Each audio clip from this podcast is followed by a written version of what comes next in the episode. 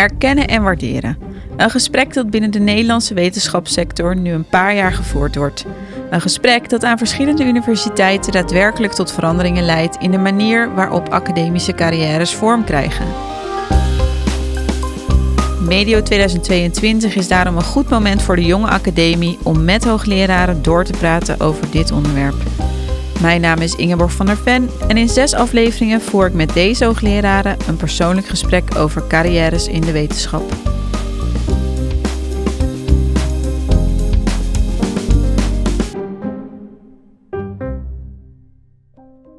Vandaag spreek ik met Patricia Dankers. Via het programma Zwaartekracht ontving Dankers samen met collega's miljoenen om het onderzoek naar nieuwe kunststoffen aan de TU Eindhoven te versterken. Geld dat ze gaan stoppen in het nieuw op te richten Interactive Polymeric Materials Research Center op de campus. Dankers, hoogleraar biomedische materialen en chemie, is een betrokken wetenschapper en spreekt zich publiek uit over de toekomst van de sector. Sinds 2019 is ze ook voorzitter van de chemie ronde tafel van de NWO. En ze is speciaal voor ons vanuit Eindhoven naar Amsterdam gekomen. Patricia, welkom. Ja, heel fijn dat ik er ben. Ja, leuk. Welke eigenschappen passen volgens jou bij een goede wetenschapper? Ja, dat zijn uh, heel wat eigenschappen die, die belangrijk zijn, in, in, in meerdere en mindere mate. Um, ik denk in ieder geval doorzettingsvermogen in ja. combinatie met een zekere intelligentie. Okay. Maar het allerbelangrijkste in mijn optiek is toch wel doorzettingsvermogen. En om uiteindelijk iets nieuws te doen, moet je creatief zijn. Dus ik zou zeggen dat is ook een heel belangrijke eigenschap. En een wetenschapper, en zeker in het gebied waarin ik werk, die werkt niet alleen. is geen individuele baan. Dus dan is het heel belangrijk dat je ook een team weet te vergaren waarmee je samenwerkt. En waarbij je zorgt dat je ja, elkaar eigenlijk motiveert en inspireert. In 2013 pro promoveerde je voor een tweede keer ditmaal aan de rug.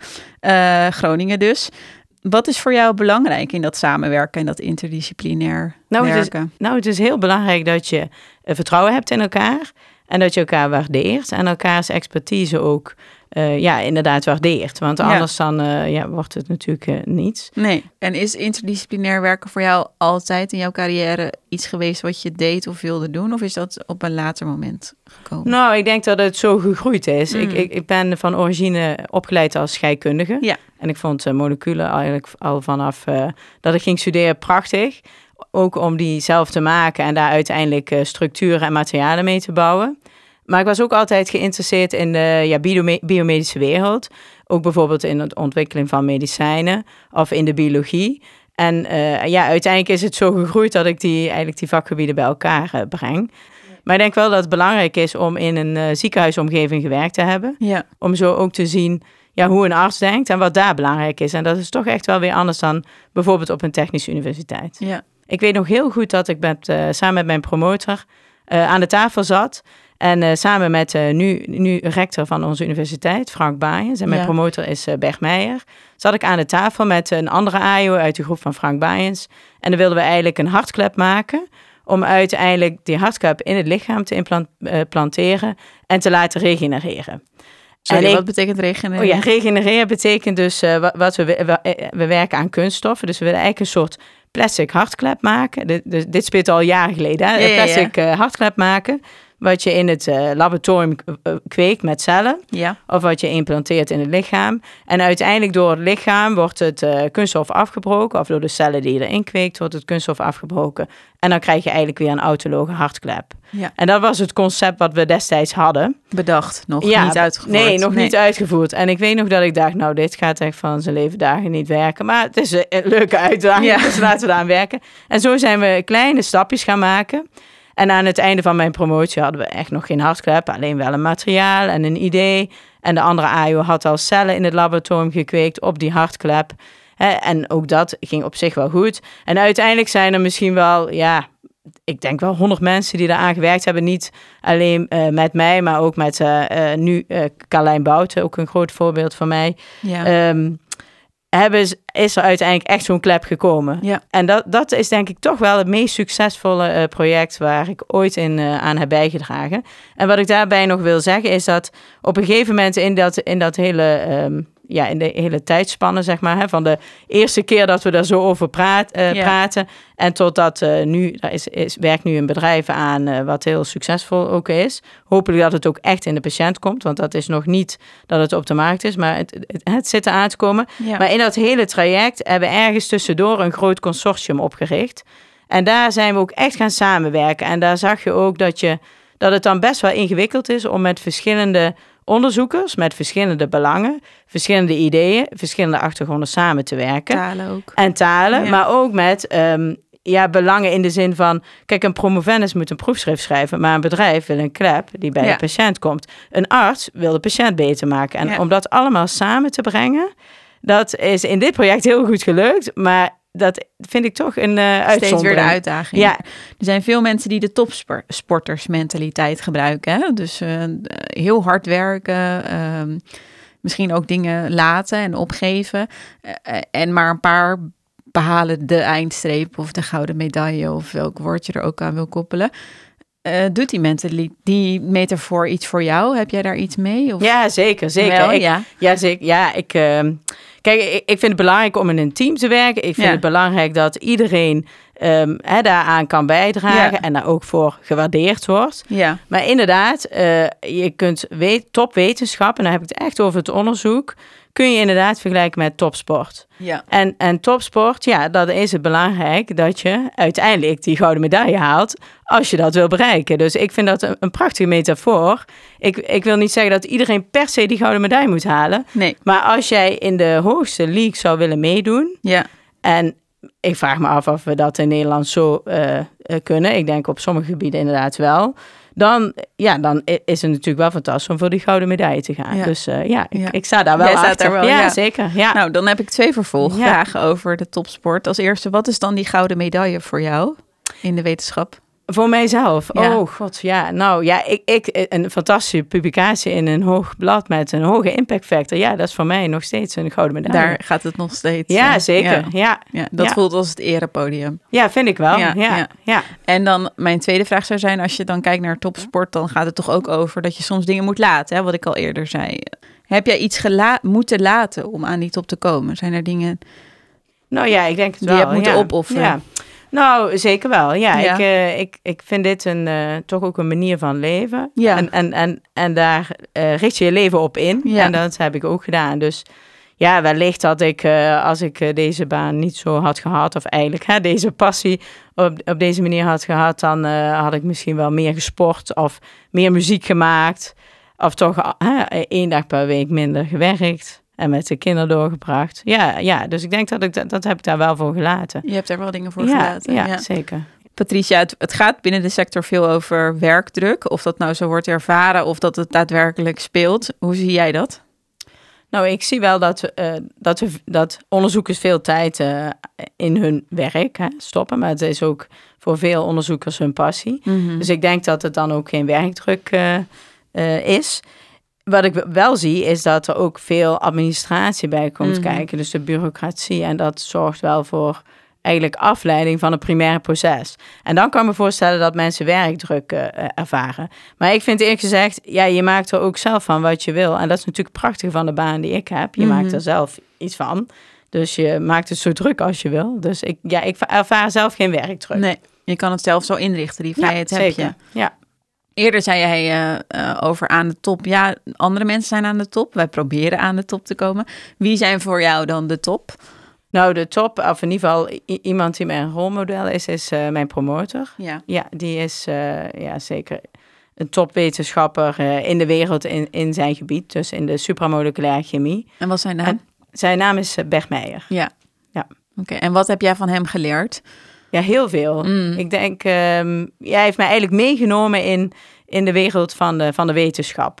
Dus ik heb van hem geleerd hoe je eh, creatief eh, kan denken en hoe je zeg maar eh, creatief omgaat met eh, de moleculaire wetenschappen. Dus hoe je zeg maar nieuwe moleculen maakt, hoe je daar slimme materiaal van maakt en hoe je dat dan ergens voor kan gebruiken. Ja. En dan ben ik eigenlijk zelf richting die biomedische toepassingen gegaan, zoals bijvoorbeeld die hartklep. Maar we doen veel meer dan die hartklep. Zelf werken we daar niet meer aan. Eh, dat heb ik van hem geleerd, maar ook heb ik van hem geleerd dat het belangrijk is om, om visie te houden. Waar wil je naartoe? Dus Ja. op groot niveau te kijken wat je wil bereiken. En je dan heel, eh, heel secuur met de details bezig te houden. En Als dan- je dat doel hebt, is als eerste wel hebt ja, vastgesteld. als je wel weet waar je naartoe wil, dus Ja. een bepaalde visie, dus Mhm. een helikopterview. Ja. En dan die details ook eh, onder controle houden. En dan komt het tussenstuk, zei hij altijd vanzelf wel.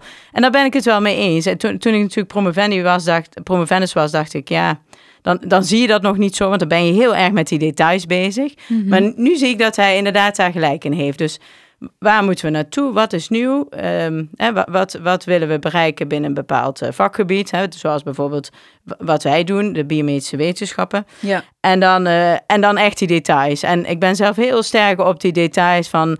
eh, hè, eigenlijk zelfs de punten en comma's. Dat, ik, eh, dat haal ik er meteen uit. Maar dat vind ik ook fijn. Dus dat zit dan denk ik toch in, me. In jou. Ja, ja. En kan je nog iets inzoomen op dat stukje creativiteit, wat je dan van hem hebt geleerd en wat je zelf belangrijk vindt? Wat houdt dat in en hoe doe je dat dan? ja, dat, dat, ja, hoe doe je dat dan? Ja. Dat is een- dat is een mooie vraag. Je hoeft ja. niet je eigen geheim te verklappen. Oh ja, maar... ik, ik heb er ook geen geheim voor. Maar ik denk ook door gewoon heel goed overal te luisteren, Mhm. op congressen te kijken, kun je op een slimme manier toch iets nieuws bedenken. En Ja. zo doe ik dat binnen mijn eh, vakgebied. Ehm, en ja, proberen we toch iets, iets nieuws eh, te ontwikkelen of te onderzoeken. Ja, eh, wat, wat ertoe doet. En dat dan creatief te doen met de moleculen die wij zelf Ja. maken. Maar dat is wel ingewikkeld. Want ik moet zeggen dat ik toen ik begon als promovendus dacht... ik, hoe kun je ooit iets nieuws verzinnen? Want toch alles is gedaan. ja. En dat zit nog, ook nog wel steeds een beetje in me dat ik denk... oh, dat is al lang gedaan en dat is gedaan. Maar dan toch de kunst om nog iets nieuws ja, te, te bedenken. Wat, waar eh, in dit geval, hè, in- want ik leid natuurlijk een onderzoeksgroep... eh, een promovendus aan kan werken. Dat, Ja. is, eh, dat heb ik toch wel van hem En geleerd. hoe leer je dat dan aan aan jouw AIO's weer? Ja, dat is ook door, eh, door samen te praten en samen Ja. te bedenken welke experimenten er gedaan moeten worden. En dan zie je dat dat ook, dat heb ik ook echt moeten leren. Ik dacht Ja. altijd, oh, dat gaat vanzelf. Ja. Maar je ziet ook dat je met elke eh promovendus, dat je die op een andere manier moet benaderen. Want het Ja. zijn gewoon andere mensen. En dat, en dat maakt het ook wel weer ontzettend eh, interessant en leuk om met verschillende mensen te werken. Maar je ziet, ja, met de ene heb je, hè, met de een woord genoeg. De andere moet je misschien iets meer uitleg geven. Of de andere komt weer met andere ideeën. En ja, zo zie je dat je toch op een bepaalde manier dat eh, moet aanpakken. Ja. Leuk, mooi. Jij hebt je in eh, interviews ook uitgesproken, hè, zoals veel wetenschappers dat op dit moment doen, over alle veranderingen binnen de universiteit onder de vlag erkennen en waarderen. Je geeft aan dat je binnen je eigen team zeker verschillende talenten ziet en je wil daar ook heel graag ruimte voor maken. Maar je vraagt je af of dat nou van bovenaf moet worden opgelegd of vastgelegd. Wat, we nu zien is dat heel veel maar, ja, maar, maar kan. En, en ik zit in het, eh, in het clubje wat... eh, Voor de TU Eindhoven. nee, oh nee, nee. Of landelijk? Nee, nee eh, in gewoon een eh, zelf eh, benoemd eh, clubje. WhatsApp groepje. Ja, ja, wat eh, over erkennen en waarderen gaat. Ja. Waar we ehm, ja, het heel belangrijk vinden om getallen niet los te laten. Ja. Kijk, ik ben natuurlijk ook een, eh, beta-onderzoeker. Ja. Ik zit in een technische Dat is omgeving. hoek waar we dit geluid nu Ja, veel horen, ja, toch? Zeker. Ja. en het is gewoon ongelooflijk jammer om ehm, getallen die we altijd hebben gebruikt, de zogenaamde metrics, om die overboord te gooien en dan maar denken, ja, weet je, als je een beetje twittert en je daarop uitspreekt en een podcast doen, Zoals dan ben dit. je een goede wetenschapper. Ja. ja, ja dat, dat is in mijn optiek niet. Ja, je kunt dan een hele goede science eh, eh, valorisator of translator zijn. Dat is prima, maar dan ben je geen wetenschapper. Mm. Dus ik denk dat je toch heel goed moet kijken wat, eh, waar je iemand op be- beoordeelt. En, en ja, de echte wetenschapper die aan de top zou hè, willen, willen komen, ja, die, die moet voor die gouden medaille gaan. Ja. Maar ook niet individueel. En dat is ook echt niet wat er in de, in de eh beta-wetenschappen speelt.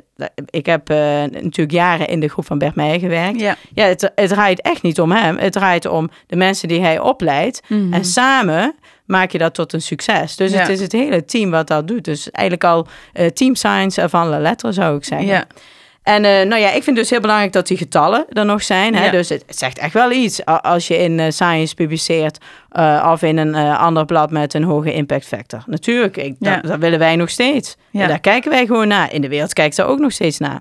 Als je dat niet doet, wil, wil niet zeggen dat je niks kunt of, niet, of waarloos bent. Nee, dat, dat zeggen we ook niet. Maar je moet toch die getallen niet overboord gooien. En dat is eigenlijk het punt wat wij voornamelijk maken. Ja, ik ga zo hierop doorvragen, maar jij noemt nu een hele hoop onderdelen. Die wil ik een beetje uit elkaar Ja, trekken, ja. zodat we iets meer eh, Want dat is dus wat we doen in deze podcast. Het verkennen van de Ja. verschillende gesprekken en onderdelen. Eh, jij noemde net al even het WhatsApp-groepje. Ja, zeker. Ehm, je, je gaat natuurlijk nu niet vertellen wie er allemaal nee, in zitten. nee, maar lijkt me niet. gaat dat Nee. over... Gaat dat, Ja. ook, dat gaat, zijn wel allemaal wetenschappers, Ja, zeker. Ja, en ook topwetenschappers. Ja, zeker. Oké, top. Ja. Ehm, nou, dat vroeg ik me als eerste af. Als tweede die getallen, hè, kan je daar nog iets meer over vertellen? Wat vind jij dan goede metrics? Want verschillende universiteiten doen verschillende dingen. Wat, wat vind jij dat daar- daarin Nou, het beste ik- werkt? ik- het zegt wel iets hoeveel publicaties iemand heeft Ja. geschreven. de H-index zou jij En dan gecombineerd met de H-index. Eh, het zegt iets wat ik net al zei, in wat, wat voor blad je Mhm. publiceert. Eh, en bijvoorbeeld in de chemische wetenschappen hebben we de eh JACS, Journal of the American Chemical Society.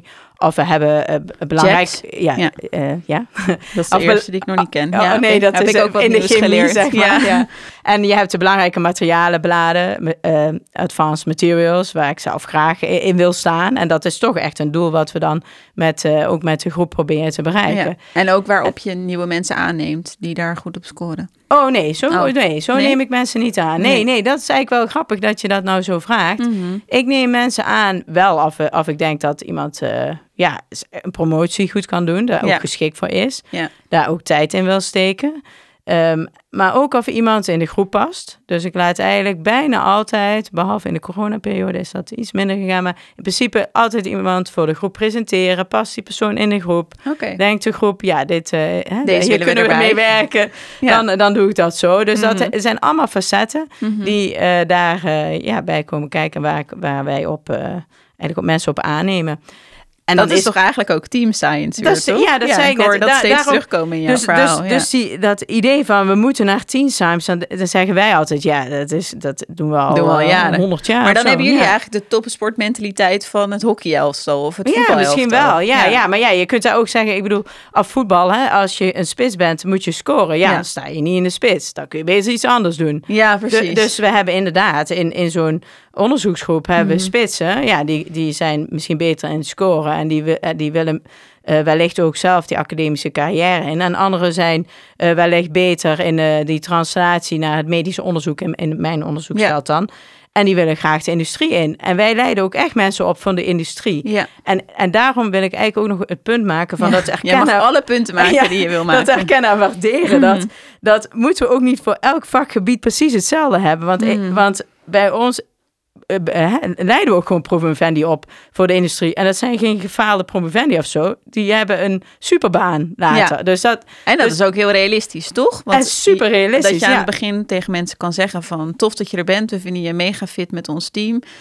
Maar niet iemand, iedereen in dit team gaat naar die Nee, ene maar- maar- eindpositie maar dat wil medaille niemand, gaan. Dat wil ook bijna Nee. niemand. Nee, en dat hoeft ook niet. Nee, Nee, wil bijna ze- niemand nee, dat. dan zien ze mij, dat is nou, eh die halve zo midden in de nacht met die e-mails en die eh, artikelen. Nee, nee, maar even met alle gekheid. Ja, eh, nee, ik ehm, hou van gekheid. Het moet een beetje in, toch? Het, het, Ja. is, ik, het is niet dat ik tegen iemand zeg, nou, jij, jij bent niet geschikt voor een academische Nee. carrière. Nee, dat, dat zeg je niet op dag één. Maar, ik, maar in gesprekken die je met mensen hebt, zie je wel of, wat iemands ambitie is. En dan Ja. werk je daaraan. Dus ook zo'n onderzoeksgroep is echt niet alleen het doel om die publicatie te krijgen. Nee, het doel is om iets nieuws te doen, creatief te zijn, Ja. iets nieuws te ontdekken. En daar Of- heb je misschien ook die verschillende persoonlijkheden ja, bij zeker. Ja. En dan, en dan eh, eh, ga je kijken, kan ik dat ook nog prachtig publiceren? Helemaal mooi meegenomen. Niet Mhm. Ja. dat een andere publicatie slecht is, nee, ook niet. Nee, Maar het is natuurlijk wel mooi als je een aantal keren nieuwe concepten in het veld kan zetten. Ja, dan, dan, dan zijn wij gewoon fantastisch blij. ja.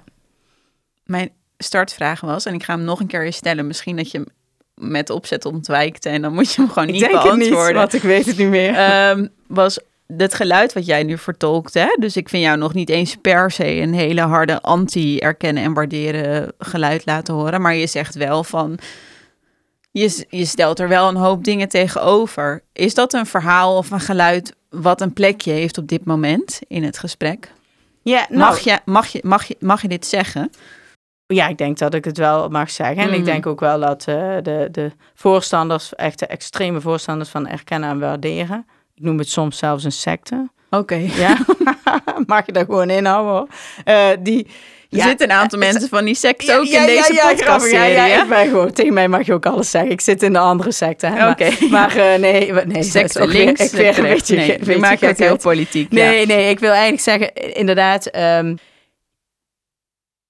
de voorstanders van erkennen waarderen, die, die zijn extreem dat wat ik net zei, alles maar kan. En ik, ik, wij vinden die, die getallen belangrijk. Ja. Er zijn ook een aantal mensen van, als je dan, nou ik zou het niet sectes willen noemen, maar Nee, misschien moeten we dat er toch uitknippen, ja. meneer uh, achter mij. Ja. ja. Schrijf dat heel erg te lachen bij secten. Dankers zegt dat... Uh, ja, aflevering 2. Ja. En Rianne vindt het trouwens heel leuk hoor. Ja. Dus, uh. Daarom, ik weet dat jullie, dit, dat jullie dit allemaal goed kunnen hebben onderling. Maar er zijn ook mensen in die hoek die het moeilijk vinden om te benoemen wat ze vinden. Die het gevoel hebben dat we op een trein zitten dat er kennen en waarderen heet in Nederland en dat je niet meer een tegengeluid mag laten horen. Zie jij dat ook zo? Of heb jij het gevoel, dit gesprek is nog steeds open en ik kan hier gewoon me in uitspreken? Nou, je kunt je zeker in uitspreken, dat wil ik net ook zeggen. Inderdaad, je kunt je goed in uitspreken, maar soms heb ik wel het gevoel dat uh, dan de voorstanders zeggen ja, ja, ja, ja, ja. En ze het misschien ook wel mee eens zijn. Maar als je ze dan weer ergens hoort praten, dan is er niks veranderd. En dat, dat, soms denk ik, ja, toch gaat het dan toch, het gaat dan toch gewoon zo door zoals het ingezet is. En dat vind ik wel jammer. En ik hoop echt dat we daar ook bijvoorbeeld met MWO, want ik mm -hmm. ben, wat je net in de introductie ook zei, en de, de, voorzitter van de tafel chemie. En daar zie ik dat geluid ook. Dan, dan vanuit het chemisch veld komt dan, ja, we moeten toch echt die getallen weer hè, in de cv's hebben voor bij MWO.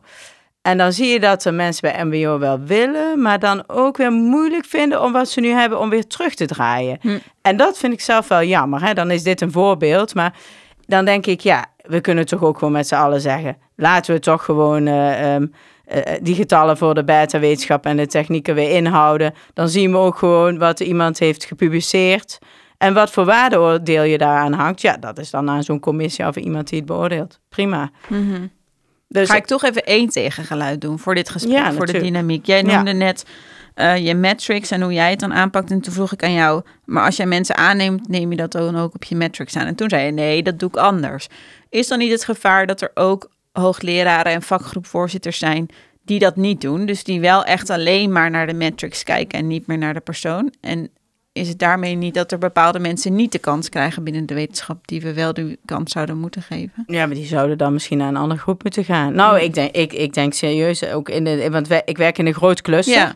En uh, ik, eh, hè, dus die vraag die je net stelde over die metrics is niet zozeer dat ik, uh, want op promovendi niveau zijn er eigenlijk nauwelijks mensen die al iets hebben gepubliceerd. Nee. Dus kun je daar niet naar te kijken. Nee, dus zo heb ik net jouw vraag geïnterpreteerd. Ja. Maar als er een AIO komt, of ja. als er een POSO komt, mm -hmm. En die heeft inderdaad twee nature papers.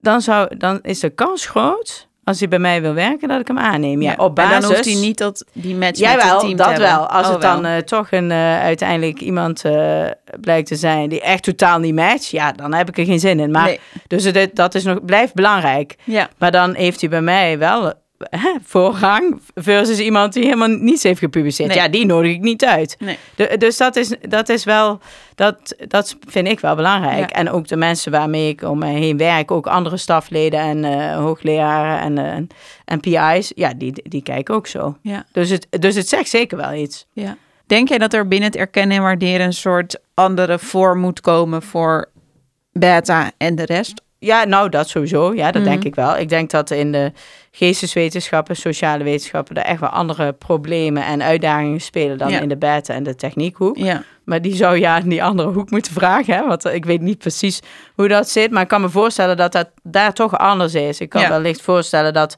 een promovendus daar ook echt opgeleid wordt om in die academische wereld te blijven. Terwijl in de beta-hoek zijn er, ja, zijn er maar heel weinig die in die academische wereld willen blijven. Ja en kunnen blijven. Maar er zijn ook niet zoveel posities. Dus wij, hebben, wij leiden ook op voor industrie, ja, voor dat andere is een functies. grote taak voor en, jullie. En ja. dat is heel goed. Uh, maar dan zijn er nog steeds die paar die voor die gouden medaille in de wetenschap willen gaan. Ja.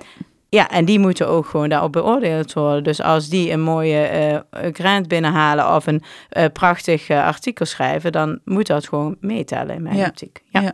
Maak je je zorgen over hoe deze dynamiek nu gaat in Nederland? Ja, ik vind het wel jammer dat het toch een soort schip is wat Mhm. een kant uitvaart. Wat moeilijk terug te brengen is. Dat idee heb ik wel. Maar ja, je zou ook nog kunnen zeggen, weet je, we doen allemaal onze eigen dingen en we zien wel daar dat schip, dat strand. Hè? Dat Dan blijf jij in je eigen eiland gewoon. Wellicht, ja. Ja. Ge- gelinkt aan de rest van de wereld. toch? Die ook zo denken. Naar China of zo. Bijvoorbeeld, of Amerika. Ja. Nou, we hebben mooie metaforen gebruikt. Ik heb de helikopter gehoord en het schip en eh, voetbal. We hebben het over team, eh, team, de early version van Team Science gehad. Ehm, ik vond het een heel mooi gesprek. Bedankt dat je eh, vanuit Eindhoven hier naartoe bent gekomen. Graag gedaan. Ik Dank je vond het heel prettig. Dankjewel. Dank voor het luisteren. Volgende week spreek ik met hoogleraar, bestuurder en schrijver Louise Fresco. Aan de Top is een productie van de Jonge Academie, Spraakmaker Media en mijzelf Ingeborg van der Ven. We moedigen je aan om een reactie achter te laten in je podcast-app en aan je eigen instelling deel te nemen aan het erkennen en waarderen gesprek. Dank voor het luisteren.